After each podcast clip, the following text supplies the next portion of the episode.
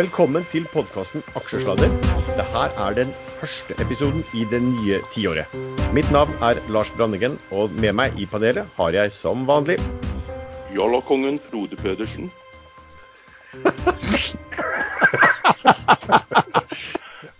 Nei, nei, jeg bare tuller. Det, det er fortsatt meg. Det er fortsatt meg. Eh, Treideren Svein Egil Larsen. Og Jallakongen Erlend Henriksen. Og eh, gameren Erlend Arnøy. Vi kom med en eh, temaepisode som vi slapp i romjula, eh, der vi snakket om aksjeanalyse, analytikere og regnskap. Vi fikk god hjelp av porteføljeforvalter Thomas Nilsen i First-fondene som gjest. og Da benytta vi XXL sitt regnskap for de siste årene som eksempler. Eh, og med tanke på XXL sin profit warning få dager senere, så ble vel knekkingen av deres regnskap i denne episoden ekstra relevant. Så jeg anbefaler til lytterne å høre på den episoden. Godt nytt år forresten til alle dere andre tre. Hvor mye feitere har dere blitt i jula? Jeg må vi svare på det òg. Det var ikke det. Du, du lovte at vi ikke skulle ta opp det temaet. Ja, selvfølgelig. Um, Planen var å gå ned fem kilo. Um, så sånn sett har jeg da blitt ti kilo feitere, for det gikk andre veien. Altså, jeg går for all time high, er det ikke det som gjelder? Jo, det, det bruker jo å bli sånn jul etter jul etter jul, ikke sant? Jeg har forresten fått meg trimsykkel, så jeg har faktisk brukt den òg et par ganger. Ja, OK. Du, du ser ut som du trenger det? Ja, jeg gjør jo det. Lege, legen òg sier det.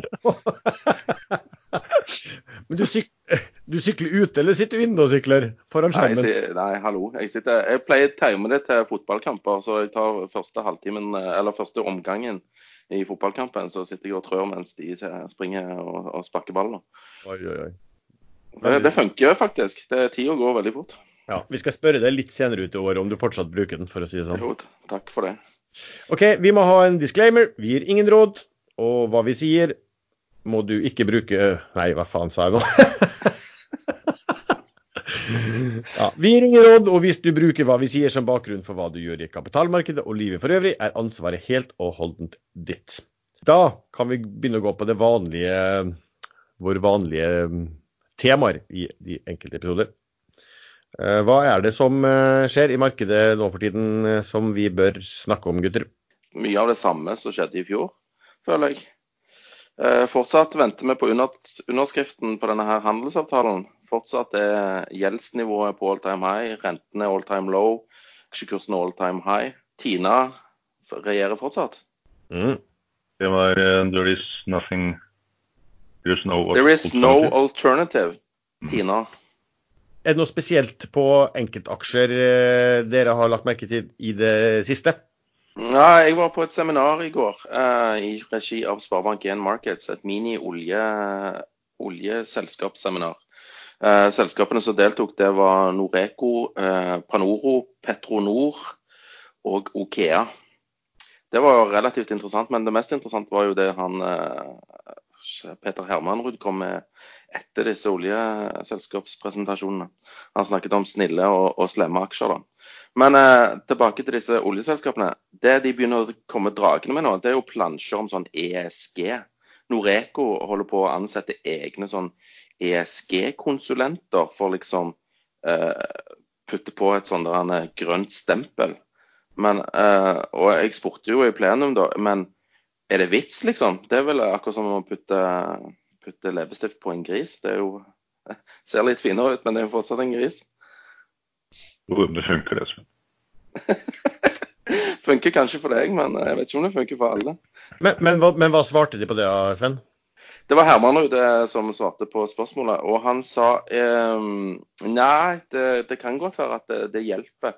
Spesielt for litt større selskaper, eh, type Equinor, når de skal tiltrekke seg arbeidskraft og, og, eh, og fremstå litt snillere enn alle andre, liksom.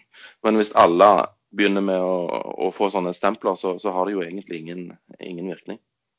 Nei, det finnes jo sånne Jeg snakket vel litt om det i en annen episode, at, at uh, jeg sjekket litt i forhold til sånn ESG-rating, som ja. er så populær. Uh, men der jeg så liksom at det var jo en ESG-rating som går på bransjebasis, og der Equinor, da, um, som for store deler av befolkningen oppfattes som miljøødeleggende ved at de borer etter olje. Da hadde Triple A sant, det beste du kunne tenke deg. Og Det er egentlig bare for at de ble da sammenligna med andre aktører. og Det er vel det de holder på med, Sven også. Jeg så også det var på Pareto-konferansen. Da holdt de vel også på med ESG-rating og fortalte hvor mye mer miljøvennlig utvinning av olje i Nordsjøen var kontra andre steder i Midtøsten og ja, hvor det måtte være. Ja, jeg tror eh, eh Noreco hadde fått sånn resirkulert eh, dopapir nå, og var veldig stolte over det. Ja, De skal begynne å resirkulere børsmeldingen også da, snart, ikke sant? Nei, men uansett tilbake til, til Hermanrud. Han kom jo med det mest interessante, syns jeg. da. Han sammenligna jo eh, oljebransjen med tobakksbransjen. Eh, begge slemme, slemme bransjer. Og, og, hvis han får rett, da, så kommer oljebransjen til å gå til himmels om en stund. Fordi at uh, tobakksbransjen fra 2000 og husker ikke, uh, 2002-2003 kanskje, de uh, eh, 18-dobla seg. Sånn at de gikk mye bedre enn det generelle markedet. Fordi at de ble så billige etter hvert. Og inntjeningen var jo relativt høy. Men eh, sa noen ting om altså, oss, hvis, vi, hvis, vi snakker om tobakk til sammenligning, hvor, altså, når når tobakk ble ansett som pariakasten, da, som, som, litt av disse oljeselskapene har blitt nå, hvor lang tid tok det fra, fra, man begynte å fokusere på det til de kursene snudde? Altså, det, er ikke, det, er jo ikke, så veldig lenge siden, så lenge eh, oljeselskapene nå har blitt, og, og, alt som har med olje og eh, oljeutvinning har, har, vært så upopulære. Nei, men eh, nå har du jo det denne ekstreme fokuset på miljø og Greta Thunberg og den gjengen der. Ja. Eh, og så eh, han sammenligna ESG-aksjene med eh, tiden før eh, internettbobla eh, smalt. Det er litt av det samme, for du får en vanvittig prising på null inntjening på disse ESG-aksjene. altså. Ja, og det er vel en del av disse miljøselskapene hvor, hvor det hvor, si, det, det, kommer fort opp konkurrenter, og disse, hva skal du si, mange av de børsnoterte selskapene får behov for å ha deler av eh, virksomheten sin som driver innenfor miljøet. Altså. Bare se på Equinor som kjøper seg opp i Scatec Solar, ikke sant? også for å grønnvaske seg litt. Ja. Men, men, men uh, altså gaming, altså, uh, internett, gambling var det vel egentlig mer. Uh, men jeg tror det sto gaming. Og, og porno og selvfølgelig tobakk og olje. Alt, alt som er gøy, liksom. Det, det er slemt. Hva, hva, sier du til det, Henriksen? ja, jeg reagerte på at alt det var gøy. Det, det var... gøy med olje, ikke Hva Var, vi gjort uten olje på P og slutter på ordene i midten. Um, men når du ser på Equinor da, i høsten 2018, da var kursen oppe i over 230 kroner. Eh, og den har falt siden det ned til 150 nå i sommer, var det vel? Juli? Juni? Slutten av juli. Og nå er den på vei opp igjen. Så kanskje det fallet Sven siktet til, eller Hermansrud siktet til, allerede har uh, gjort seg ferdig. Så Det var en relativt betydelig fall for en stor aksje. Den følger jo med oljeprisen nå. Ja, den gjør jo det. Så Det er vanskelig å si hva, hva, hva som er, er vel, hvis, hvis, de begynner å gå med, med, si, med en stabil oljepris som blir liggende stille, og de aksjene begynner å gå, sånn at det, Man må nesten bare se på uh, multiplene på de, for å vurdere hvor populære skråstrek upopulære de måtte være til enhver tid. Det er jo når oljerelatert blir så billig at du ikke kan uh, og, og, folk begynner å skjønne at uh, med, Oi, vi skal visst ha olje i 20 år til, liksom. I hvert fall. Oljeservice er jo så billig nå at uh, nå kan man jo begynne å tenke på at nå er det bare én vei, og det er opp. Ja, er det det? Nei, det er for de som overlever, kanskje, ja. Men det er jo ikke Det er mange som burde dø nå, før, før noen få kan få lov å overleve. Man ser jo at ordlyden eh, blant eh, politikere òg endrer seg. Fra at enkelte på, på venstresida sier vi skal legge ned hele oljebransjen, og så er det nå flere som går ut og forsvare at eh, norsk olje må være en del av energimiksen. Så det kan jo være det verste er over. Kanskje vi skal snakke litt om det som slo til i år igjen. Eh, julerallyet. Eh, vi har jo hatt en, en del sånne julenøtter eh, selv også. Uh, julenøtter, rett og slett? Julenøtter, nyttårsraketter, hva vi måtte kalle det. Julekuler. Nei, ju, Vi kalte det faktisk julekuler, ikke julenøtter. Det er sånn du har på TV, det. Altså, noen som spør spørsmål, og så skal du svare på, på gåta eller rebusen. Ja. Så vi, vi har ikke hatt julenøtter. Uh, uh. Nei. vi får, vi får få Vi kan kanskje begynne med det neste år, hvis det er et ønske. Eller i år, 2020. Julen 2020.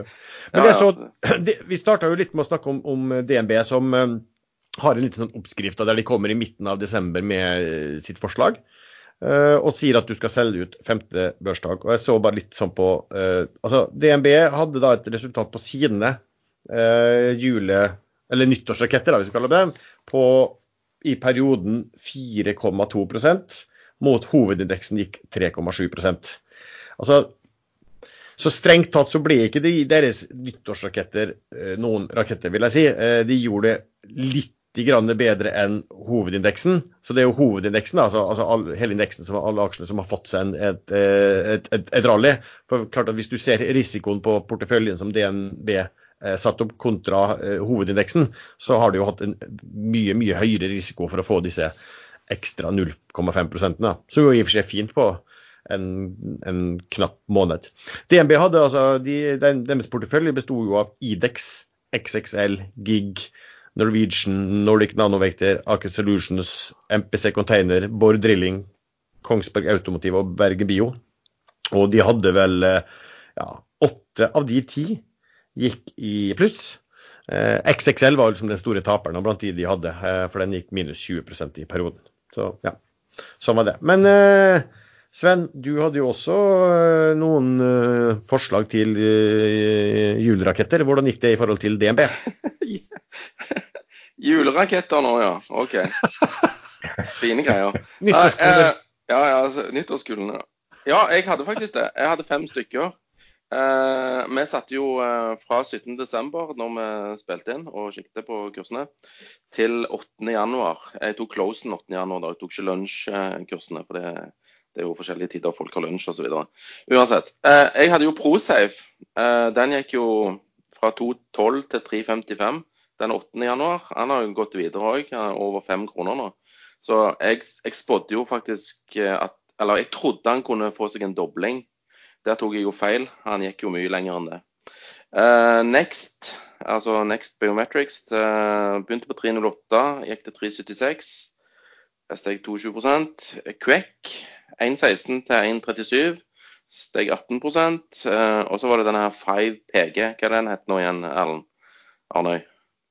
Eh, det var Nei. Ja, eh, godt spørsmål.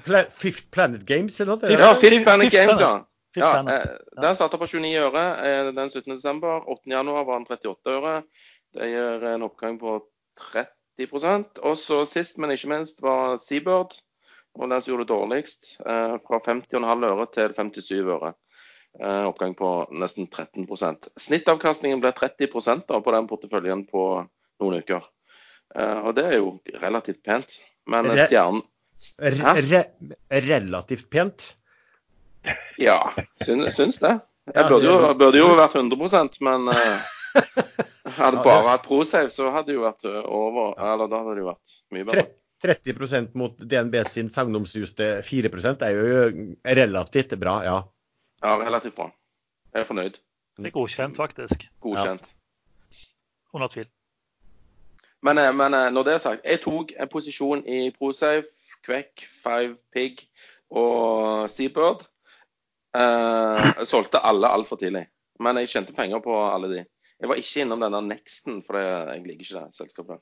Tjente greit med penger. Eh, ProSafe tjente jeg mest i, men det solgte jeg altfor tidlig. Men uh, greit nok. Og Erlend H., du hadde vel også noen uh nyttårsraketter. Jo, jeg telte opp her nå i stad, og jeg hadde syv tips. Det var IOX og IDEX, og begge de ligger nå på samme kurs som da, men de har vært eh, både IOX var langt under. Den anbefalte jeg på 3,06, og den gikk ned til 2,47, var nå tilbake på 3,10. IDEX anbefalte jeg på 1,12, gikk opp i 1,30, ned til 0,98 og nå 1,18. Så de ligger flate i forhold til hva jeg anbefalte. Finn og Ele har gått kraftig ned. Ele er på vei opp igjen. Uh, Hidden anbefaling 1,30 var oppe 2,03 og nå 1,68. Det er det selskapet som Spetalen gikk inn i. og han, uh, han børsmeldte sin inngang to dager etter at vi hadde den aksjepodden 17.12., så det var jo ganske godt treff. Det var jo også det som var bakgrunnen for anbefalen at de lette etter en investor som kunne dra det selskapet opp. Og så kjørte de da en rettet emisjon mot Spetalen. Så det som er litt interessant, var at det var ingen av Tvenge-brødrene eller andre som solgte seg ut eller ned til Spetalen. De kjørte en emisjon 8,5 millioner kroner for å få han inn. Ehm, så der har de noen planer. Hva de planene er, og når de planene materialiserer seg, det er det ingen som vet i dag. Eh, han har sjelden dårlig tid, eh, men at det kommer noe der, det er helt sikkert. Og Emisjonen ble kjørt på 1,20, så nå er det sånn greit påslag på den kursen på rundt 1,65. Nort anbefalte jeg. Den, eh, da var kursen 1,35. Den gikk til 1,60 og er nå på 1,48. Og så er det dette rare selskapet OTS, Ocean Team. anbefaling på, fem, på fire kroner, og den er nå på fem kroner. Eh, der tenker jeg det kommer eh, en større emisjon, eller de fusjonerer med et annet selskap på pålydende som er på 5,75 eller hva det er for noe. Så den har, tror jeg ikke det er noe hast med. Men, men er vi ikke ferdig med disse rakettene nå? Nå, liksom, nå har de skjøtet til himmels og ramla ned igjen. Eller de har ikke ramla ned igjen, men eh, jo, det jeg lærte nå denne gangen, det var at uh, som Jalla-trader så er jeg ikke noe flink å finne julekuler eller nyttårsraketter. Uh, disse Jalla-aksjene de kan gå når som helst hele året. Det er veldig okay. vanskelig å si når de går. Ja, så du traff jo helt glimrende, Sven, med 30% i snitt på så mange aksjer. Det skal ikke jo, være mulig. Uh, takk for det.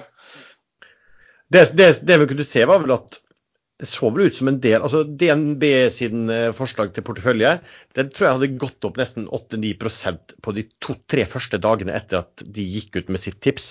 Så veldig mange tok eh, og kjøpte. Og så var det sånn at mot slutten, da, altså de hadde jo liksom gitt oppskriften på at femte børsdag, så eh, slutten av den så burde man være ute. Og da begynte man å se de to-tre dagene før at de aksjene også begynte å falle. Sånn at de, som sagt, de, de, endte jo opp med litt over 4% og så var det vel oppe i jeg, vet ikke, jeg, jeg tror det var oppe i 8 over, etter to, to, dager eller noe sånt. Og, og, det var jo sikkert over 10% tror jeg, på, på, det meste også. Så der var det en del som fulgte den oppskriften ved at de, de kjøpte. Og så frontrunnet de sikkert da salget og regner med at det er sikkert mange som skal gjøre sånn som DNB har sagt. At nå selger vi da den femte børsdagen, så fant vi ut at da selger vi den andre eller tredje eller fjerde børsdagen for året i stedet. Men de var jo relativt uheldige, da, fordi de, de traff jo på XXL. Og XXL kom jo ikke med verdens beste nyhet i, i den perioden. da. Nei, det kan du jo si. Men, men samtidig, altså, de, la oss si, hadde de ikke hatt med XXL og gjort en null der, så hadde de vært oppe på en eh, rundt uh, ja, Da hadde de vel vært oppe på en 6% Men sånn er det jo. altså Plukker du ti aksjer, og det er den type aksjer du plukker, så må, så må, du jo nesten vente at noen kan fort komme med en dårlig aksje, og noen kan fort, eller dårlige nyheter, og, og andre kan ja. komme med gode nyheter. Sånn er det jo bare. Name of the game. Ja, da er vi ferdig med nyttårs rakettene. Det jeg tenkte vi kunne bare si litt om, som, som er interessant, det som utspiller seg nå, jo, eh, og som er veldig stor interesse for, det er jo shippingområdet. Og da spesielt eh, tank og LPG. Vi, eh, så, vi, skrev i Børsekstra, altså eh, nyhetsbrevet som vi sender ut fra Ekstramestor i dag, om at det hadde vært en konferanse hos eh, Astrup Fearnley i, i, går. Og der eh, analytikerne i Fearnley Securities var veldig bull fortsatt på hele tank. Eh, markedet. Både, og, og, og, trodde at det, de aksjene, selv om de har gått noe voldsomt, har mye å gå på fortsatt. Eh, både ut fra eh, ratene de ser for seg i 2020, men også at det fortsatt vil være gode rater da i 2021. Og, og inntjeningen der er jo, er jo formidabel nå. Eh, men, men, men, men hvorfor? For, for, fordi oljemengden er jo Altså, eh, de har jo kutta i OPEC og, sånne ting. Hvorfor eh, skal oljetank tankere få så gode rater nå? Altså, etter det jeg forstår, så har det litt med hvor uh, eksporten kommer fra. så Det går mye ut fra USA. så Det er lang, lengre eh, seilingsdistanser. og så har det vel vært lite altså det, Oljetankere har jo vært eh, ikke, ikke, noe bra segment å, å, å, være i over en del år. Og det har, blitt, eh, har vært lite, kommet lite nybygg på markedet, sånn som jeg forstår det. Um, så det er i hvert fall Jeg er ikke noe sånn, på ingen måte sånn shipping-ekspert, så, så, det er liksom litt sånn som jeg har, har forstått. Og så må man selvfølgelig nevne det med IMO 2020, uh, som gjør at de ikke kan uh, bruke samme type uh, altså bunkerolje som tidligere, som er veldig miljøødeleggende. Og der mange installerer sånne såkalte scrubbers, som gjør at de, de renser vel den uh, bunkeroljen på skipet. Og, og, og dermed, må skipet, altså dermed, må skipene inn på verft for å få, for å få montert dette her. Og det tar litt tid. Så sånn sett så, så blir det også eh, press på ratene fordi at en del skip hele tiden tas ut av markedet, ikke sant? for at de må inn til verft for å få montering. Det høres logisk ut, det, altså. Ja, og det er vel noen ting som, som Det er vel ganske få av liten del fortsatt av flåten som har montert eh, scrubbers, og, og, ganske mange som skal det. Så, så, det er vel det de snakker om, at her kommer det inn eh, her, her, kommer det jevnlig til å komme skip eh, inn. Uh, ut, ut, av, ut, av, markedet, da, for å si sånn, og, inn, og, inn, og inn, opp, inn, på verft for å få montert. Uh, er det noen av dere andre som har vært noe særlig aktivt i de aksjene, eller? Nei, jeg Jeg har holdt meg unna, men det har jo vært en kjempetabbe. Uh, mange av disse aksjene har jo gått 50, 100 og 150 Det er ingen av disse skikkelig gjalla, vet du, så da, da, blir det jo vanskelig. Nei, men så er Det også litt, uh, det ligger litt i blodet. Uh, har lært meg å holde meg unna shipping. det går så fort ned når det går ned. Og kursen gjenspeiler egentlig markedet et halvt år fram, og hva som skjer et halvt år fram med shipping er ikke alltid så lett å vite for de som ikke sitter eh, rett på kildene. Ja. Jeg ser jo, altså LPG, LPG har jo også gått LPG Tank har jo også gått veldig, veldig uh, bra. Også, det er jo også en stor, stor vinner. Kanskje den største vinneren er vel det, det siste året som BV LPG og, og ja, Avance og, og disse her. Men LNG har jo ikke gått. LNG nei, det har jo vært en stor taper, ikke sant? Eh, med Flex som har vært veldig eh, anbefalt. Nå tjener de veldig bra på de ratene. Der er det jo også ganske bra rater nå, men det er også sesong for å ha gode rater. Da. og i, fjor, eller i 2019 så var det vel elendig utover våren, og det er vel det man er redd for nå også, med over, det er vel nærmest overproduksjon av, av LNG. Og tørrbruk har vel heller ikke De har også rater som nå ligger lave, svært lave. Men det er i hvert fall veldig stor interesse for det. Det ser vi på ekstrainvestor i de kanalene vi har. Um, sånn sett. Jeg gjør ikke så veldig Jeg har, gjort, jeg har litt i shipping her og der. Den jeg hadde i tank, er vel en ADS Crude Carriers som uh, har uh, altså, tre eldre skip som de kjøpte for en billig penge. Og så installerte de scrubbers og har liksom kommer ut med de akkurat nå i markedet. Og det er jo skip som egentlig er ment bare å overleve en tre-fire år til før de, før de skal uh, før de skal uh, avhendes eller kuttes opp. Uh, de skal men, kjøres rett ned på en strand i Bangladesh, tenker jeg. Ja, skal vel det. de har vel break-even på 15 000 dollar døgnrat Fortsetter det sånn, så er jo de tjent inn lenge før de skal kjøres på stranden i Bangladesh. Ja, ja, ja. ja ikke sant. Så det, det er et sånt spill på det. Så det, kan, så det er et sånt selskap som kan se ut som har truffet helt ekstremt godt. Alle, alle, alt av det, Men de har, de har truffet sånn spesielt godt, de òg. Og selvfølgelig Hunter Group da, til Arne Fredli, som også har bestilt og fått ut båter ut i markedet liksom i ganske på et helt perfekt tidspunkt. Så det, det er jo bra, bra teft, og så det, har du selvfølgelig ekstrem flaks med timingen og hva som skjer akkurat nå. Men eh, de har vært flinke å, å time det her. Men, eh, timingen til Fredelig, det, det, er teft. Uh, IMO 2020 den var jo klar for fem år siden at skulle, skulle bli innført i 2020. Så han fikk sine båter ut i markedet med skrøbbere rett før 2020. Uh, og sto da klar til å ta imot uh, høye rater. Men hadde IMO 2020 blitt utsatt, som det var snakk om for to-tre år siden, så hadde jo hans eh, spill på dette her gått helt galt. Men, så det var vel den eneste risikoen han hadde. Og IMO 2020 ble ikke utsatt. Mm. Hadde gjort en god analyse, det må vi si. Mm. Erlend, da? Har du gjort noe spesielt? Gjorde du noe spesielt? Vi hørte fra de andre her var, var litt om hva de har gjort i, i, i julen av trades. Det er jo mange som er aktive for å posisjonere seg på et julerally. Gjorde du noe spesielt i år? Nei, jeg har jo sittet i Funcom som vi snakket om sist. Den har vel gått eh, litt opp og litt ned, og ca. nesten der han var 8.11. når vi snakket eh, sist gang. Eh, jeg har tatt inn, eh, tatt inn, to nye spillaksjer i Portesen. Eh, ene Remedy Entertainment, finnes selskap. Og så en Group, som er et av de største svenske, som eh, kommer å forvente veldig mye nyheter nå i, på våren. Så får vi se hvordan det spiller seg ut. Hvert år så bruker altså Saxo Bank å ha en tipunkters eh, litt sånn te teoretiske black swans eller elleville hendelser som eh, kan komme til å skje. Det tenkte vi også vi skulle ta i år. Eh, men først så kunne jeg tenke bare si litt om hva som har skjedd på ekstrainvestor helt i det siste. Ettersom ekstrainvestorsystemet har bestått av så mange ulike tilbud, tjenester utenom det som er chatten, f.eks. denne podkasten, så lagde vi en ny ekstrainvestor.com-side som viser alt hva vi tilbyr til investorer og bedriften. Selve chatten, altså ExiChat som vi kaller det, den finner man nå på på chat.ekstrainvestor.com. Og Der er vi alle fire hyppig inne og skriver og kverulerer i en rekke ulike kanaler. Du kan altså lese deg selv om du ikke er registrert som medlem, men å registrere seg går veldig fort. og det Da gjør det enklere å orientere seg og legge opp oversikt over emnet som man vil følge, og samt at man da kan, kan man skrive og knytte kontakt med tusenvis av investorer over hele landet.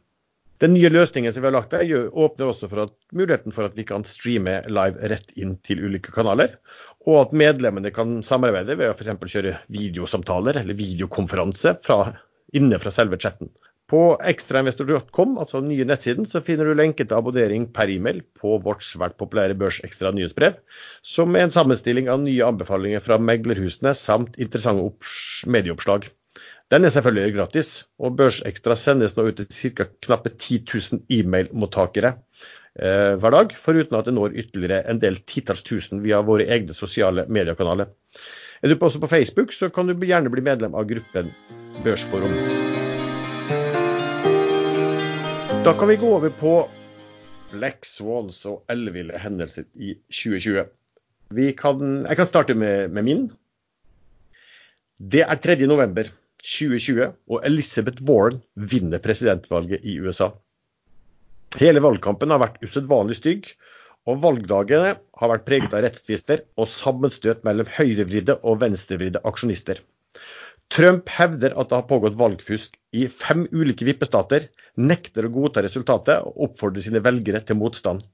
Alt-right-grupperinger og evangeliske grupperinger tar oppfordringen helt bokstavelig, påstår at det er et statskupp på venstresiden og går til væpnet motstand.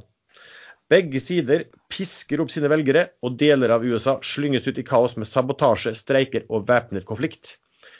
Begge parter kommer med utsvil på at det er best at USA kanskje splittes opp i ulike land, og børsene kollapser. Hva tenker panelet om, om, om den? Det er en film som jeg har lyst til å se. Jeg er veldig glad i katastrofefilmer, så det er en bra film. Nei, det, det, høres ut som et eh, bra manus på en, eh, på en film. Eh, håper, ikke, håper, ikke, den slår til, for da tror jeg vi har store, store problemer her på berget. Men eh, liten sannsynlighet iallfall. Det kan vi jo trøste oss med. Ja, jeg tar den ikke med for at jeg, tror den er veldig sannsynlig. Eh, jeg tror heller ikke at det er så sannsynlig at Elizabeth Warren vinner presidentvalget. Eh, jeg, tror vel at Joe Biden blir eh, motstander til Trump. Jeg tror faktisk at Biden vinner. Men jeg tror det kommer til å bli bråk rundt valget. Jeg tror det kommer til å bli bråk etter valget. Og jeg tror ikke det her kommer til å skje, men jeg tror faktisk at jeg, sagt, jeg tror at USA som land ikke er det samme om fem år som det er i dag. Og Det er fordi at halve befolkningen hater halve befolkningen. Men det er jo så. Eller ja, så, my så, mye, så mye er det ikke, men det er i hvert fall ekstremt eh, polarisert land. Men eh, Erlend H., du bruker jo å ha synspunkter på, på, hva, på, hvordan eh, presidentvalg og hva som kommer til å skje der og i etterkant. Hva, hva tror du om eh, ja, hvis man strekker den, eh, endrer litt på scenarioet ditt, så hadde det vært ganske morsomt at han eh, Major Pete vant. Pete Buttigieg. Han er åpent homofil, lever i et homofilt ekteskap, er det vel. Så da hadde det da blitt eh, president Buttigieg og First Gay som First Lady. Eh, det ville jo vært et smekk på fingrene til Trumps tilhengere på den siden av skalaen. Eh, og det ville vel kanskje ikke lagt en demper på det scenarioet du, eh, du foreslo. Men problemet for Trump med han er at han, han er tidligere soldat med utmerkelser fra krigstjeneste i Afghanistan. Så Trump kan ikke ta ham på, på den siden. Han har tjent landet. Han har også bygget opp en god økonomi i en liten by i rustbeltet. Eh, ikke ved å gjenåpne kullkraftverk eller andre bilindustri eller noen ting, men ved å hente inn high-tech-industri. Eh, så han har klart å snu, snu, økonomien i et del av USA som går dårligst på en helt annen måte enn Trump. Så han har andre løsninger som også funker. Eh, så jeg tror ikke det er tilfeldig at Trump snakke minst mulig om han, for Trump ser nok på han som en mye farligere motstander enn Biden, som, som det ikke er veldig vanskelig å finne mye dritt på, eh, spesielt via sønnen hans. Eh, og litt vel høyt betalte styre, styreplassstilling i Ukraina. Om dette bare er luft og løse rykter, eller om det faktisk er en korrupsjonsdel inni det, det, det skal ikke jeg uttale meg om. men men at det lett kan påstås at det er ren korrupsjon, ja, absolutt. Jeg er vel ganske sikker på at Jeg tror du har rett at eh, Trump og særlig de evangeliske vil jo være blir jo, blir jo mer enn litt fortørnet hvis det skulle bli en, eh, en homofil amerikansk eh, president. Trump prøvde seg på hva heter han Mad, han figuren fra Mad, de gamle tegneseriebladene. Ja, ja, ja. Han med de store ørene. Ja, ja, og ørene, ja, ja. Ikke sant? Det er en viss likhet mellom han, jeg husker ikke navnet hans, men, men Buttigieg lot seg ikke vippe av pinnen eh, av det heller. Han sa han hadde aldri hørt om. Ja, jeg skal ikke ta, ta, vi skal ikke ta en stor politisk diskusjon, men jeg tror du har feil eh, i forhold til hvem som er farligst. Jeg er ganske sikker på at Biden er desidert farligst for eh, republikanerne. Absolutt alle meningsmålinger og absolutt alle meningsmålinger i alle vippestater for det er jo de du skal følge med. Drit i hva som skjer i California og i Red States, men det er vippestaten man skal følge.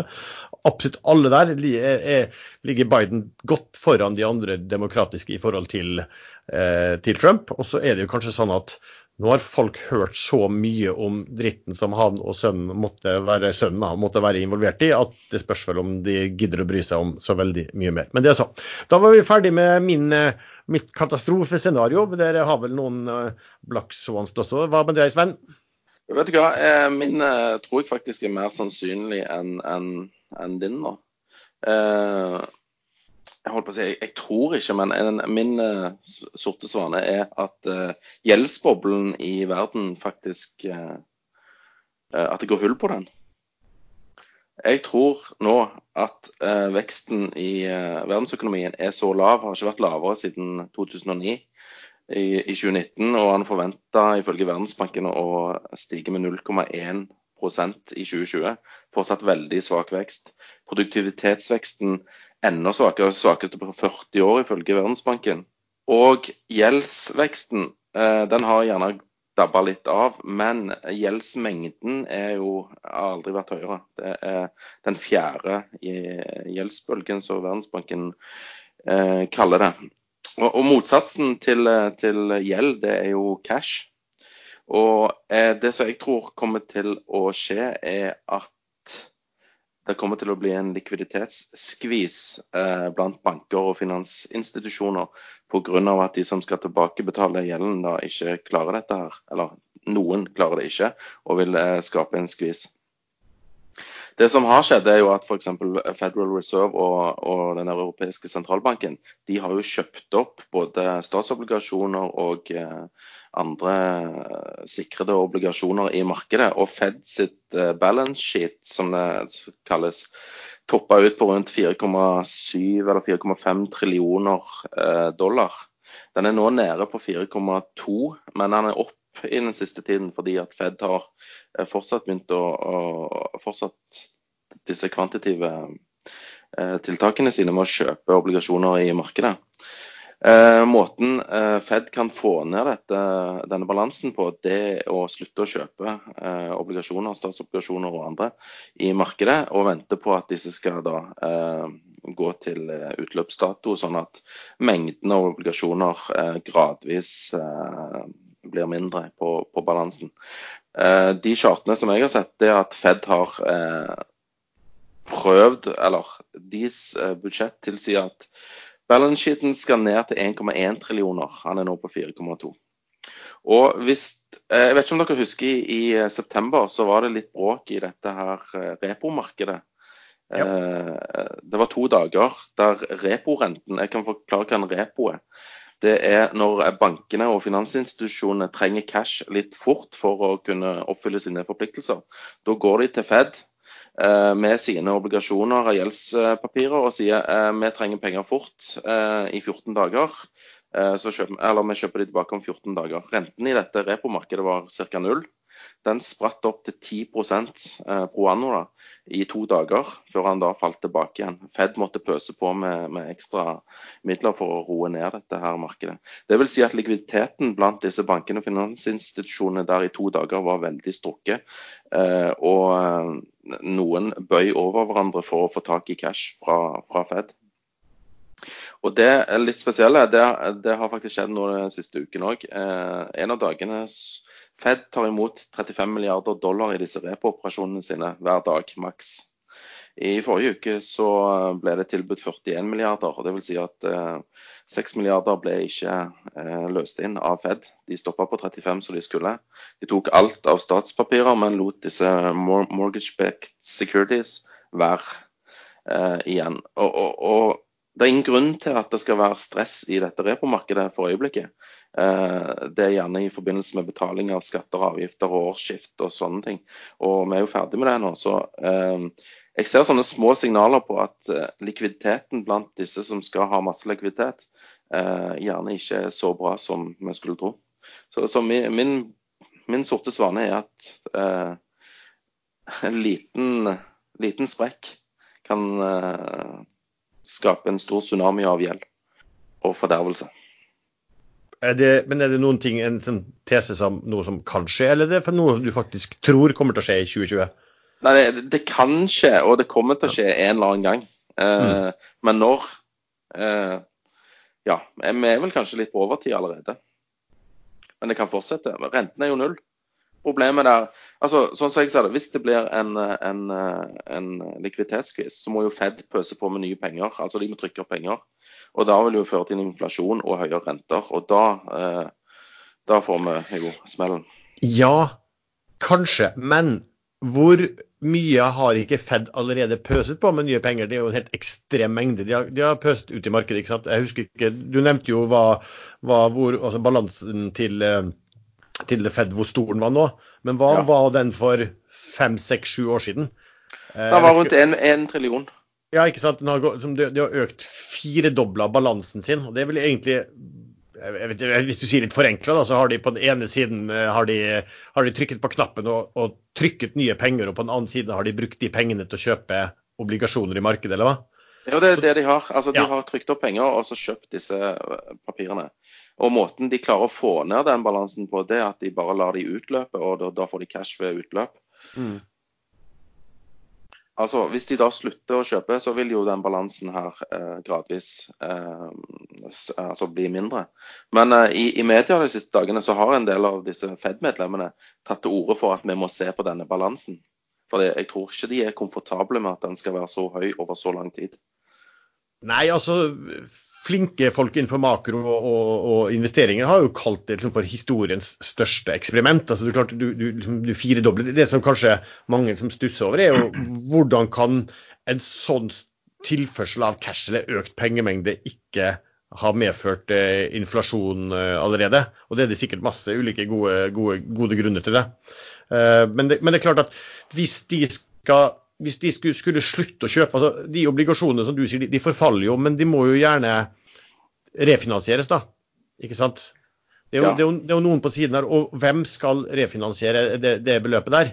Eh, det blir vel fort til at de eh, i beste fall kanskje må la balansen forbli eh, nesten uendret. Altså at de OK, vi, vi, vi, vi, kjøper ikke nytt, men vi, kjøper på nytt igjen de som løper ut, på en måte, hvis du skjønner hva jeg mener? Ja, jeg skjønner hva du mener. Men altså motsatsen til, til den, den, gjelden er jo, er jo cash. Ja. Eh, og eh, cashen er jo blitt brukt til både det ene og det andre. Og bør jo, blitt brukt, bør, bør jo eh, være brukt til investeringer. Og, og, Hvis du ser på forskjellige segmenter, f.eks. innen olje og offshore, så ligger det jo veldig store verdier der som da ikke er verdt det de er pantsatt for. Mm. Uh, og, og, du vil få, og det er sikkert ikke den eneste bransjen der uh, eiendelene er mye lavere i verdi enn en gjelden bak. Ja.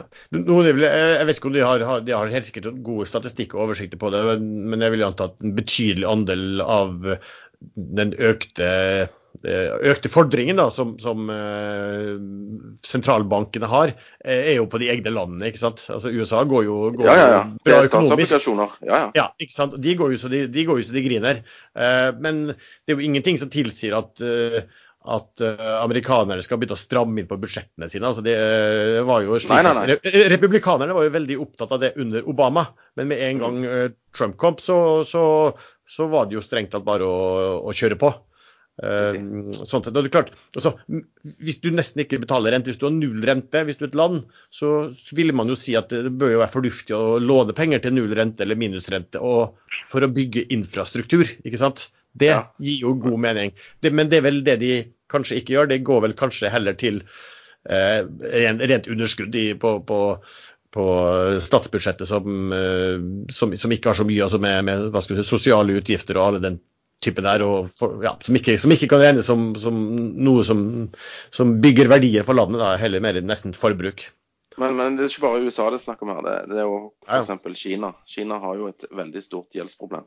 Mm. Eh, og hvordan de velger å løse det, det er litt vanskelig å, å forutse. Mm. Nok, det er jo myndighetene der òg som må gjøre et eller annet. Kina har jo litt lettere for å løse problemer i og med at de kan forordne løsninger. Eh, og ikke slipper å like trenger å forholde seg til et valg om ett eller to eller fire år. Ja, det er sant. Men, men, det gjelder vel egentlig litt alle land. Altså, det er jo litt sånn at eh, Politikerne har jo sluppet den ballen der. Politikerne det er jo dyr. ikke sant? De vil bli gjenvalgt. For å være litt brutal så gir de vel egentlig blaffen i alt annet så lenge de blir gjenvalgt.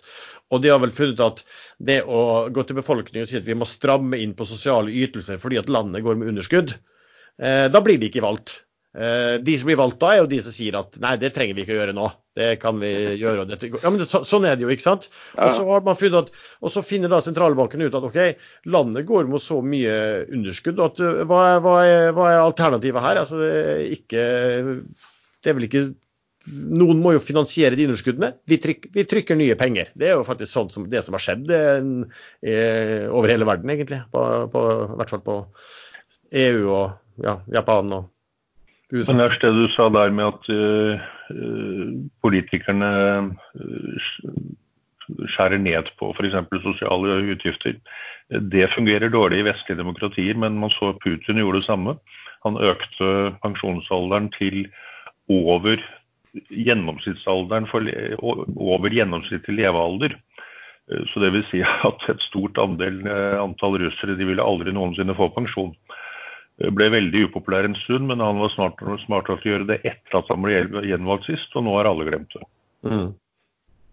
Ja, jeg gleder meg til å se en amerikansk president, presidentkandidat som foreslår det. ikke sant? Det blir ikke mye. OK, da har vi Sven sin. Skal vi ta Erlend Henriksen sin eh, Black Swan, eller potensiell hendelse?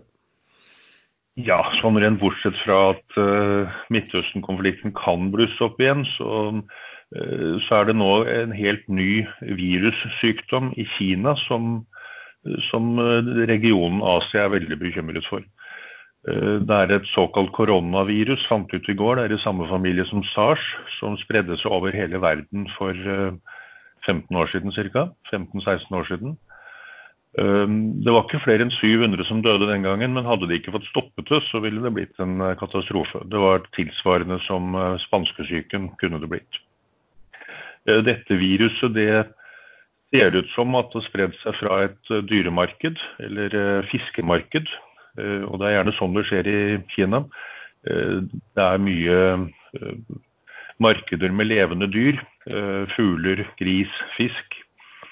Og dette viruset er helt nytt, i hvert fall for menneskene. De fant ut at det var et nytt virus for et par dager siden. En fisk, er det fiskeinfluensaen, liksom? det kan, kan, tyde på det, for dette var et fiskemarked. Det er nå stengt.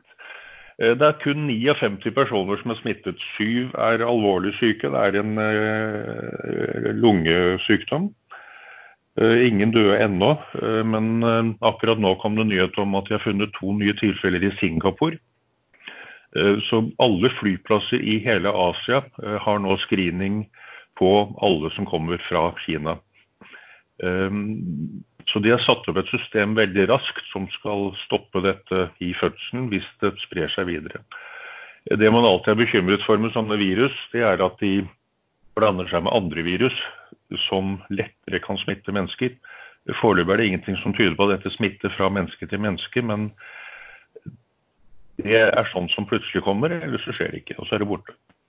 Men en eh, Spesielt hvis verden går inn i en periode med, som Sven sier, eh, eh, et økonomisk krakk, kanskje med, kombinert med en krig i Midtøsten, fullskala, eh, da skal vi helst ikke se en virussykdom. På fisk, ja. det Som kommer fra fisk, kanskje. Fisk, fisk, er jo litt vanskelig å stoppe over landegrenser, sånn sett. da. Får jo håpe ikke fisken smitter disse krabbene. Det blir ikke noe gøy Eh, Sven, disse, for disse som drar på massasjeinstitutt og har nærkontakt med kongekrabber, hvis kongekrabbene har fått seg sykdom også, eller? Nei, jeg tror eh, Hvis du drar på massasjeinstitutt med kongekrabber, så eh, har du større problemer enn en eh, liten fiskeforkjølelse. Eller stor fiskeforkjølelse, ikke sant? ja, Det er nok fugleinfluensa som er det som er vanskeligst å stoppe hvis det kommer. Ja. Fuglen flytter seg jo fra verdens uh, en side til den andre siden to, to, to ganger i året. Eh, fisk sprer seg egentlig ikke i noe særlig grad. De holder seg innenfor tempererte soner. Husker det var en film som heter jo... Contagion. Uh, den var ganske bra. Den kom i forbindelse med dette SARS. Så nå kommer det sikkert en ny da, hvis dette viruset ditt slår til. Ja, det bruker jo å komme en del. Det, det var faktisk en ganske bra film. Det, det stemmer, det. Den, den starta borti Asia et sted, ikke sant? Ja, det var en apekatt. Ja, ja. Er ikke apekatten i, i USA? Nei, den, den... Nei, han er i Kina. Her, Erlend, ikke, ikke, ikke, gå den veien. Hat, hat, hatkommentarene og hatmeldene kommer bare til min e-mailadresse, så ikke gå den veien. ja, så fint. Men uh, ja, OK. Det, vi, vi, får vel se. Uh, Erlend Arnøy, gameren, har du noen uh, potensiell X1 for oss? Jeg har en, eh, jeg har egentlig flere, men jeg har eh, en som eh, på en måte henger digital. Siden nå har Henriksen vært på fisk og Sven har vært på gjeld. Så da tenker jeg jo cyber. Cyber warfare er jo en Virus. Virus der òg. Det er virus der òg, bare litt mer digitale virus. Jeg, jeg, jeg, tror det kan være en, en stor Black Swan-event. Altså, vi hadde jo et stort angrep her i Norge mot Norsk Hydro, som på en måte viser potensielt skaden. Eh, det kosta Hydro mellom 200 og 500 millioner, har jeg sett på nett. Eh, men det er jo mye større angrep der ute som på en måte har, har spredd seg mye mye mer enn det man planla. Vi hadde jo dette WannaCry, eh, ransom-viruset, som på en måte bare spredde seg. Som ikke på en måte, De sikta ikke på noen, de bare slapp det og så hvor det endte. Det tok ned eh, hele britisk helsesektor i syv dager. Eh, og kosta 4-6 milliarder dollar å rydde opp totalt sett. Eh, det enda større viruset som gjerne er enda skumlere, er det her russiske NotPetya, Petya eller noe sånt. Eh, som egentlig var lagd for å ramme Ukraina, så det ut som. Eh, tok ned store deler av Ukraina eh, i løpet av veldig veldig kort tid. Før det spredte seg til hele verden eh, og kosta nær 10 milliarder dollar å fikse. Og det er bare de offisielle tallene. Eh, nå har vi jo denne Midtøsten-konflikten. Man vet jo at eh, USA har en veldig stor cyberdel eh, i militæret med masse, masse verktøy. Vi vet at Iran har mye, mye skumle greier. Vi vet at Nord-Korea har mye skumle greier. Kina, Russland. Eh, og man ser ofte disse angrepene, selv om de på en måte er lagd for å treffe et land eller en sektor i et land, ofte sprer seg langt utover det vi har tenkt. I tillegg så ser man jo at når man først bruker disse verktøyene, så blir det jo tilgjengelig for alle. Det beste her er vel kanskje det verktøyet USA brukte på Iran for å ta ut atomprogrammet. Eh, det ble jo tilgjengelig for alle andre etterpå, fordi det bare å kopiere koden, og så kan du lage tilsvarende brutale saker sjøl. Eh, så min Black Swan for 2020 det er da et eh, cyberangrep som, som sprer seg mer enn, mer enn planlagt, og, og, fører til store børsfall overalt. Mm. Spennende. Mm. Det verste av alt, det kan jo skje òg, da. ja, altså, apropos sånn midt Midtøsten-konflikten f.eks. Altså, Iran vil jo være forsiktig med å slå tilbake på en synlig måte, men det er klart at eh, å slå mot det på en usynlig måte ved, at de, eh, ved, ved, ved cyberangrep, det er jo vanskelig å spore, for å si det mildt, vel? Det er vanskelig å spore, og det er effektivt. Og det er på en måte lav, lav kan man kalle det sånn, lav intensitet. Sant? Altså, var det mm. Russland, var det Kina, var det Nord-Korea? Eh, mm du kan, ta ut, du kan tenke deg selv hva skjer hvis du tar ut strømnettet i, i Norge i tre dager. Sant? Det greiene Russland sendte mot Ukraina, det tok ut en av de største bankene i Ukraina på 45 sekunder. Sant? Tenk hvis DNB går ned på 60 sekunder, altså hele DNB nede i ei uke. Er ikke det vanlig at de er ganske ofte nede, da? Syns det der Vipps-greiene er nede. Og bank-IT. Men da setter og... sine bestemenn på saken. Ja. ja, ja, ok, sånn, ja. Men, men, det er jo bare altså DNB går under for å spøke med, så det er, jo, det er, jo, kun på en måte Vi får ikke tilgang, men, men, alt er jo oppe. De bare velger å ikke la oss få tilgang mens de fikser problemet. Men her snakker du at alt går ned. Eh, Mersk ble jo rammet av dette russiske. De var jo nede i ei uke. Eh, og de mista jo alt, all dataen de hadde. De jo, så det, det, potensialet her på en måte er, er stort og skummelt, og altfor mye selskaper er altfor dårlig sikra. Så um, det er en eh, dessverre altfor realistisk eh, Black Swan. Men det er vel noen ting men Vi har jo sett, vi har jo sett en del sånne angrep. Da, men det du kanskje tenker på, er at vi, vi har sett det, og det har, hittil har det vært litt, sånn, litt, lite omfang, men at det plutselig kommer noen ting, og kanskje ett eller flere samtidig, som gjør at det får et helt og mye større omfang enn det har vært tidligere. Det liksom det du tenker på? Ja, altså Si da at eh, Iran gjør noe teit med USA. USA svarer med et tungt cyberangrep som de mister kontroll på. Og så bare sprer det seg, og så har du det gående. Mm. For, for, disse virusene, altså, eller disse programmene du lager, de, de, de, vet jo ikke om den iransk PC eller en russisk PC. De bare sprer seg, de. Det er det som er jobben deres. Spre seg mest mulig. Ja. Litt, litt, som disse virusene til Erlend fra Kina. Sant? De bare sprer seg. De tar ikke høyde for om det er en kineser eller en japaner. Det, det, men da er det slik at det er ganske enkelt når du, Hvis du blir angrepet av et sånt virus, da det ganske, vil det være ganske enkelt for den som blir angrepet, også da å, å måte, kopiere koden på det, hvis han, hvis han ønsker det? Altså, er, er, det sånn det vil fungere? Ja. ja. Altså du kan si Når, når disse verktøyene slippes, eh, så vil jo hvem som helst klare å fange viruset for å si det sånn, mm. og plukke mm. koden fra hverandre. Det gjorde, det gjorde, man med dette Iran-viruset som USA lagde. Jeg husker ikke helt navnet på det. det men det finner folk hvis de googler. Eh, og da har jo alle tilgang til det eh, etterpå. Da kan alle kopiere det og lage tillitsvarende eller modifisere koden. Mm.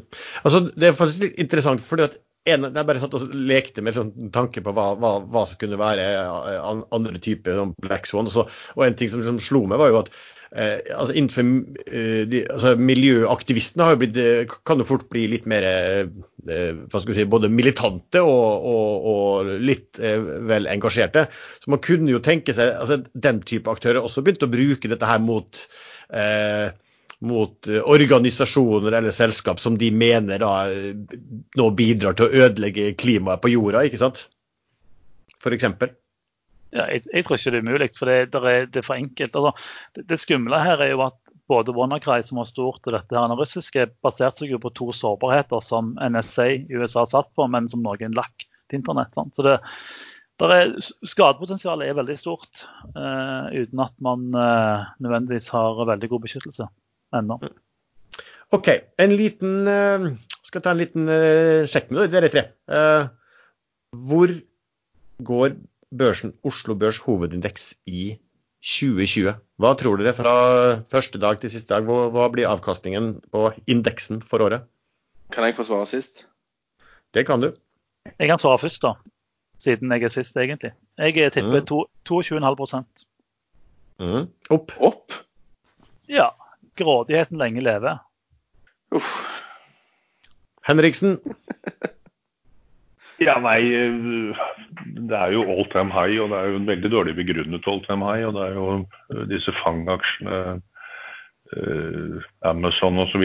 som har dratt dette opp noe helt enormt. Men det er jo ikke noe god grunn til at det skal stoppe her. Eh, det er litt som jalla-filosofien min. Uh, hvorfor skal det stoppe her når det ikke stoppet uh, for to år siden? Eller ti år siden? Um, men uh, valgår i USA det er vel statistisk sett uh, nedgangsår for børsene. Og blir det en ordentlig konflikt, uh, spesielt hvis valget blir veldig jevnt og Trump nekter å godta det, hva skjer da rundt omkring?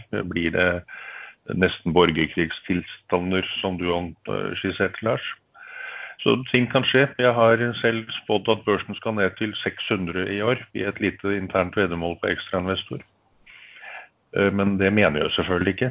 Men uh, blir det ordentlig krakk, så vinner jeg det veddemålet. Mm. For min del så tror jeg børsen Jeg tror ikke det kommer noe sånn spesiell Black Swan. Uh, jeg tror Joe Biden vinner. Men jeg tror børsen kommer til å stige da, 15% i år. Jeg tror faktisk det. det er litt sånn at there is no alternative. og markedet begynner å ta over seg, at det normal, kanskje det som de mener normalisert rente, i den grad man kan kalle det normalisert når det er sentralbankene som styrer det, men at den blir liggende lav. og da, fort, da har man fort en PE som fort begynner å nærme seg 30 i, i, på SMP 500 i, i, i, USA. I år har vi sett at børskursene stiger altså betydelig mye mer enn hva inntjeningsforbedringene Altså inntjening er vel nærmest eh, Forbedringen er vel nærmest null for, for 2019. Altså Historien om 2019 er at multipl multiplikatorene har steget. Multiplene har steget. Eh, inntjeningen har ligget eh, stille. Og det tror jeg kommer til å fortsette i eh, 2020 også. Ja, jeg tror eh, børsen får seg en sånn multiple sklerose. Eh, han er snart, nesten 9,99. Eh, eller han er 9,37, da. Men hvis vi sier at børsen er 999 snart, eh, så, skal, så, snur jeg bare på de, så blir det 666. Oh.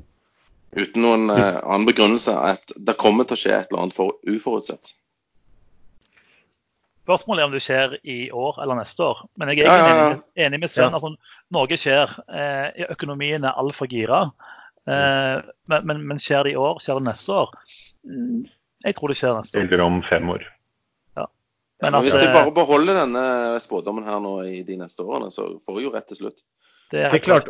Og, og det, det, som er fint med å være en ordentlig sånn krakknisse, Sven, det er jo at du kan si det eh, i ti år ikke sant, og ha bommet i ti år, og så treffer du det ellevte året. og så har du en veld... Ja, så får du en veldig stor menighet som tiljubler deg for at det var, det var du som varslet om den store smellen som skulle komme. ikke sant? Ja, ja. sånn, det, så det, det, er min det er det fine. taktikk. Men klart, da har du noen, har du noen, noen kjipe år før det, før det smeller til, da. ja, men det betyr ikke at jeg, ja, men jeg får sånne innfall av og til der jeg selger alt. Men uh, jeg har ikke gjort det nå, da. Jeg gjorde det før jul, men uh, det var jo kanskje av andre grunner. Han, som kalles Dr. Doom, han som spådde da finanskrisen i 2008, uh, eh, han har vel spådd to eller tre krakk til etter det, har han ikke det? Jo, det han, ja, det er han Rob, Robini, er det han heter? Ja, Robini. Ja, han har vel også vært Ikke sant. Eh, det er en del som altså Man må jo si det sånn, det er jo en del som lever av å spå krakk, da, og som spår krakk eh, tre ganger i året. Eh, og som da. Det, det, det, det, er derfor de kommer på TV, og det er derfor de, de har lagd liksom en sånn business ut av å være, uten å være de sterkt negative som spår. Det er alltid, fascinerende med de som spår en stor katast kommende katastrofe. Ja, jeg, altså, jeg lever jo ikke av å spå krakk. Jeg syns bare det er litt morsomt, fordi folk blir jo irritert. ikke sant? Ja, ja, ja. De, de liker best at fondene går oppover og ikke nedover. Bruker jo ha en bolk som er, går på uh, ukens uh, tips. Uh, kanskje du kunne starte med det, Erlend Arnøy? ja, jeg har ikke så mye tips, men jeg tok en ny aksje i porteføljen denne uka. Remedy Entertainment, finsk spillselskap. Jeg liker jo spillsektoren. De slapp et spill for jul som gjorde det ganske OK, men litt under forventningene. Men så ser man i løpet av julen at folk har kjøpt spillet mye mer. Folk spiller mye mer. Og det kommer en sånn ettereffekt som, som ser ut til å være ganske mye høyere enn det markedet har sett. Og Det betyr at jeg tror den skal gå opp mot kvartalstall som kommer 14.2. Og derfor kjøpte jeg den jeg bare slo han opp her mens du snakket. Det er Remedy Entertainment. Ticker Oi. Remedy. Yes. Oi. Oi. Oi. Yes, det er korrekt. Eh, ja. Finske Nasdaq-børsen? Eh, Nasdaq Nordica. Ja, Han ligger på 12,5. Korrekt. 12,5 hva da? Euro? Euro, euro, ja. OK. Og den skal jeg Nei, jeg, er, jeg, vet ikke hvor han skal. Jeg håper han skal opp, jeg. Er det ikke det? Men... Ja, ja, ja. Eller, ellers hadde du vel ikke kjøpt den? Si 15, da. La, la oss håpe han skal til 15. Bare for å ta et tall. Et rundt tall. Håpet skal så høyt at du, at du, får lyst til å selge, skal du si. Uh, Henriksen, har du et, eh, et, ukens tips? Ja, men jeg kan ikke garantere at det slår til denne uken. Uh, men jeg vil gjerne nevne det nå, for det, det kommer til å skje noe der. Det er Doff. Uh, Doff ASA Doff Subsea. Doff Subsea har slitt kraftig. De eh, måtte innkalle båndholderne til møte, for de var i mm, brudd med låneforpliktelsene. Eh, har nå blitt enige med båndholderne om, eh, om, bedre betingelser og utsatt, uh, utsatt uh, innbetaling og nedbetaling av disse båndene uten konvertering. Uh, det er det som er interessant.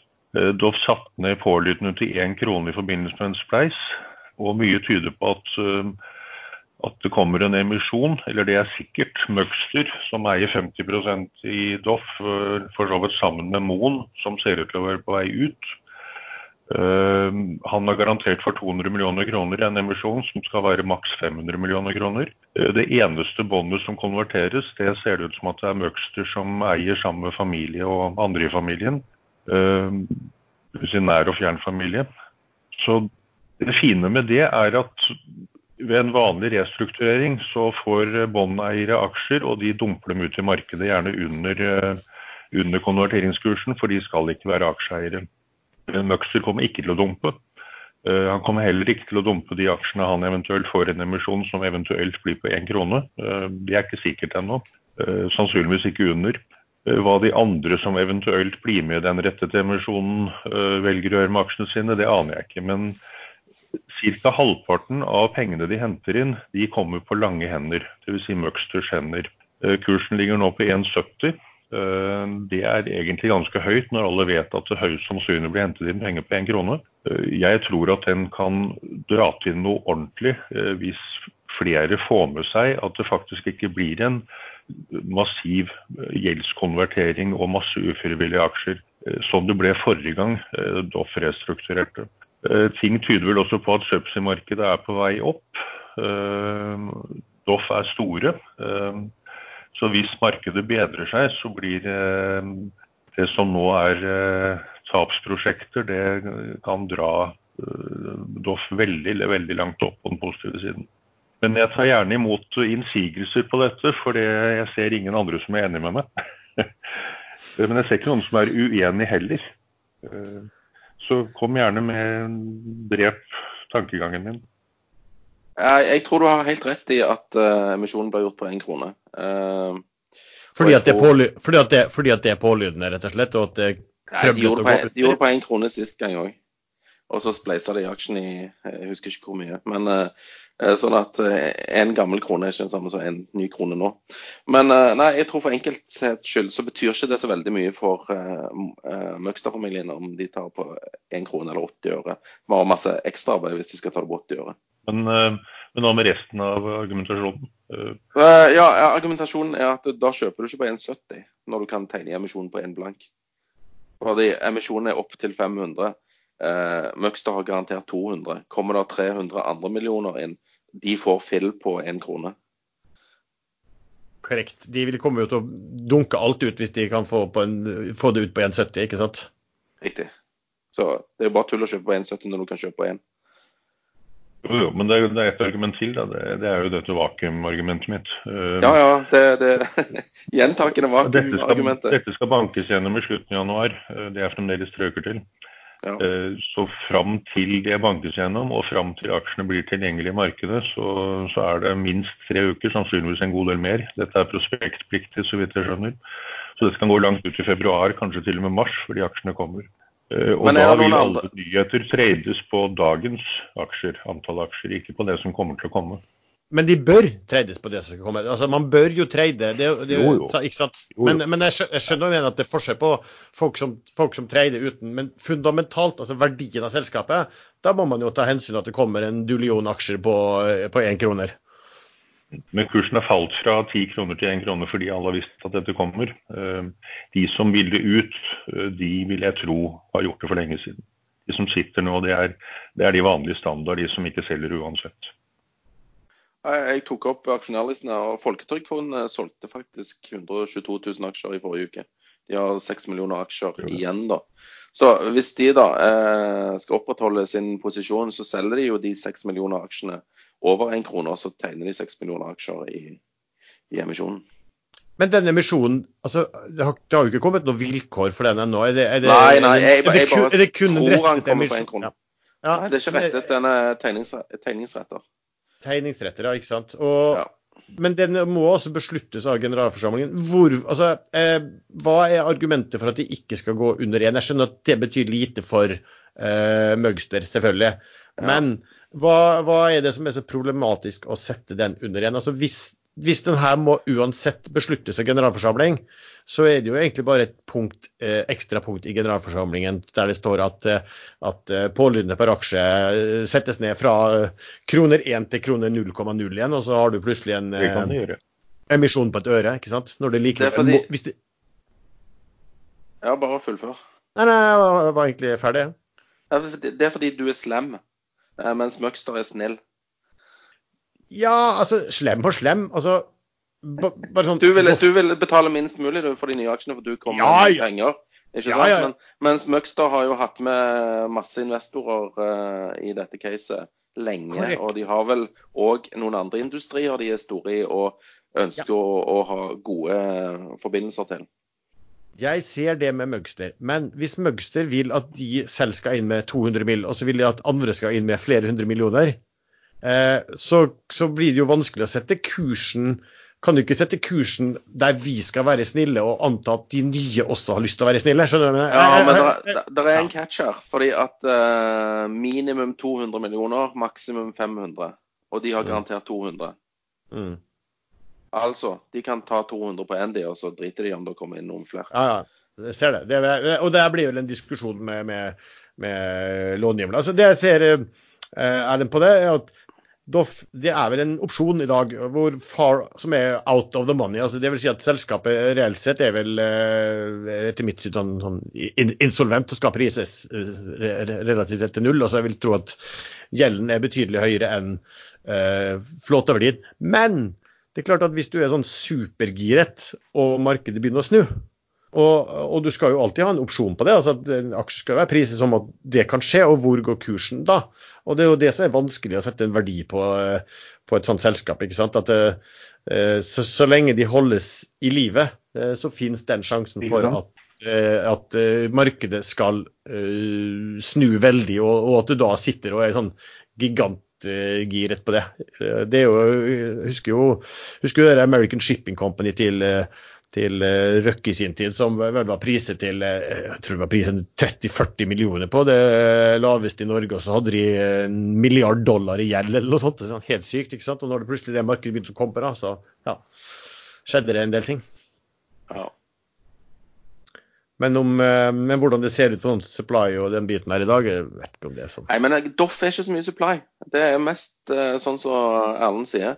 Det er mest subsea. I subsea Brasil, eller? Er det det? Ja, hele verden. Mm.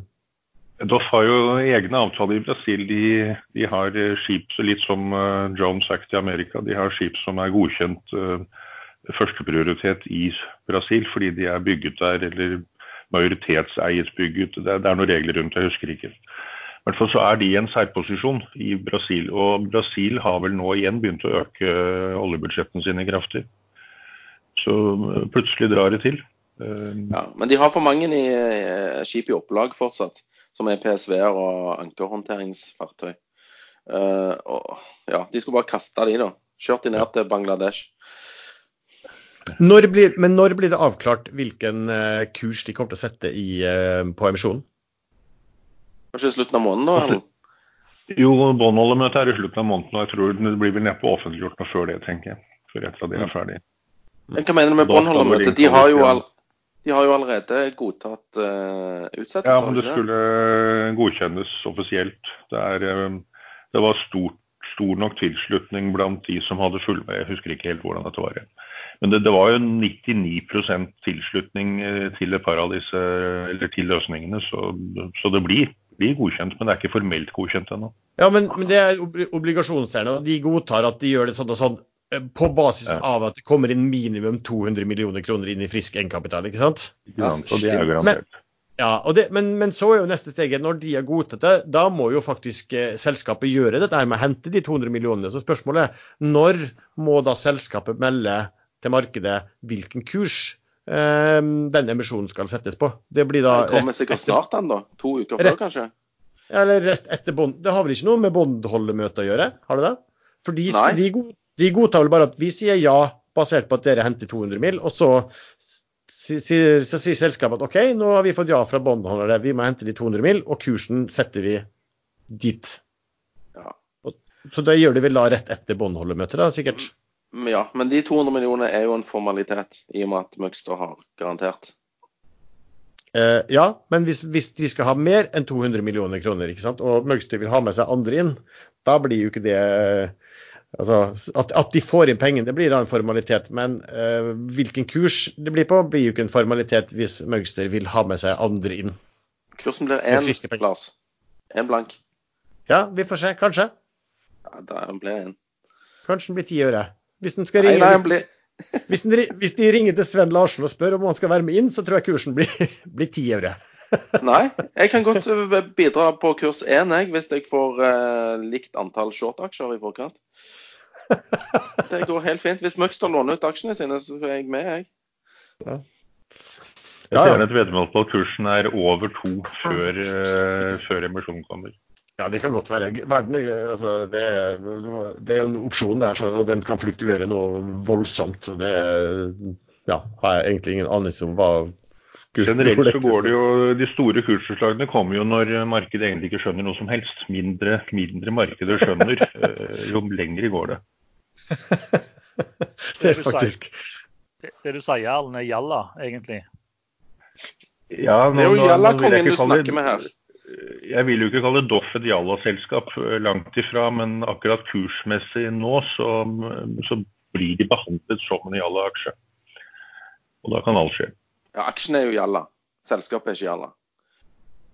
Ikke sant.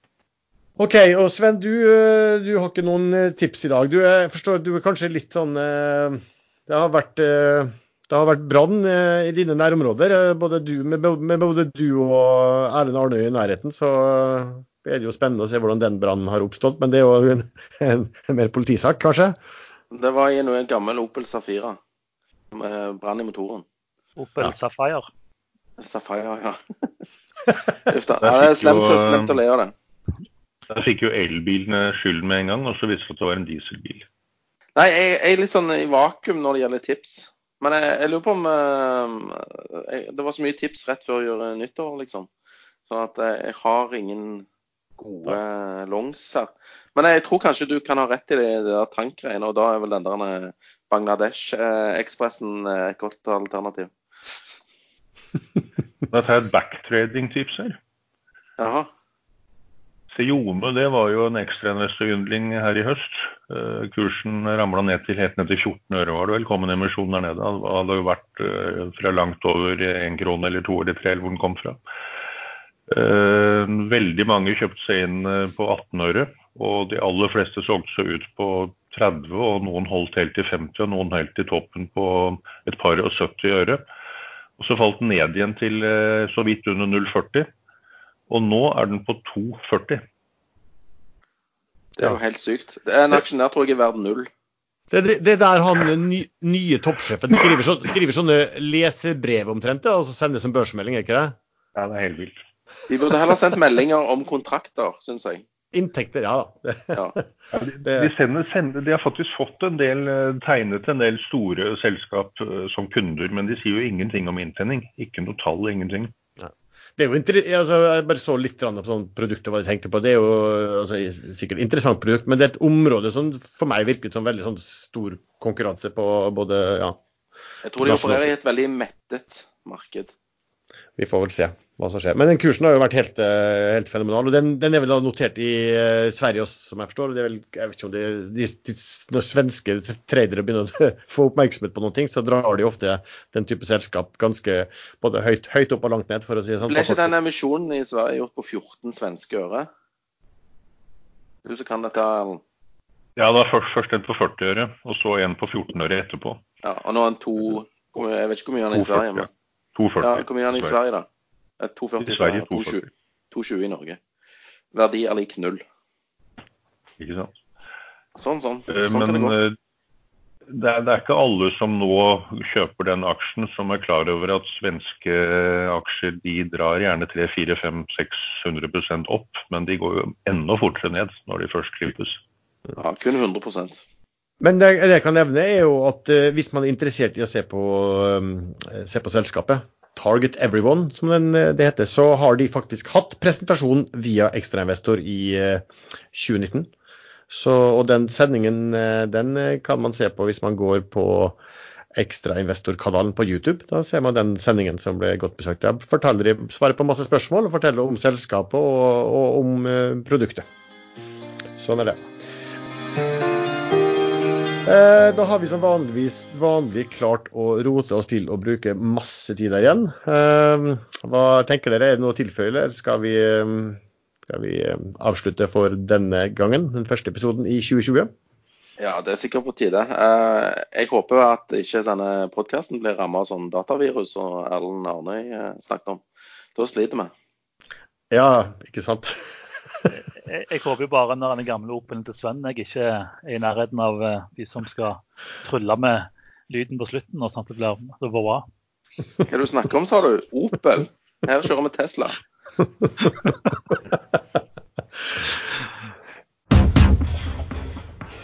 Da får vi håpe at uh, dere som lytter til dette, får noe nytte og eller underholdning fra denne episoden. Uh, Aksjesladder ligger jo på iTunes og på Apple Podcaster, på Soundcloud og mange steder. Og for å øke lytterskaren, så er vi avhengig av litt hjelp i markedsføringen. Så klikk gjerne på gode ratinger, eller tips uh, bekjente om aksjesladder.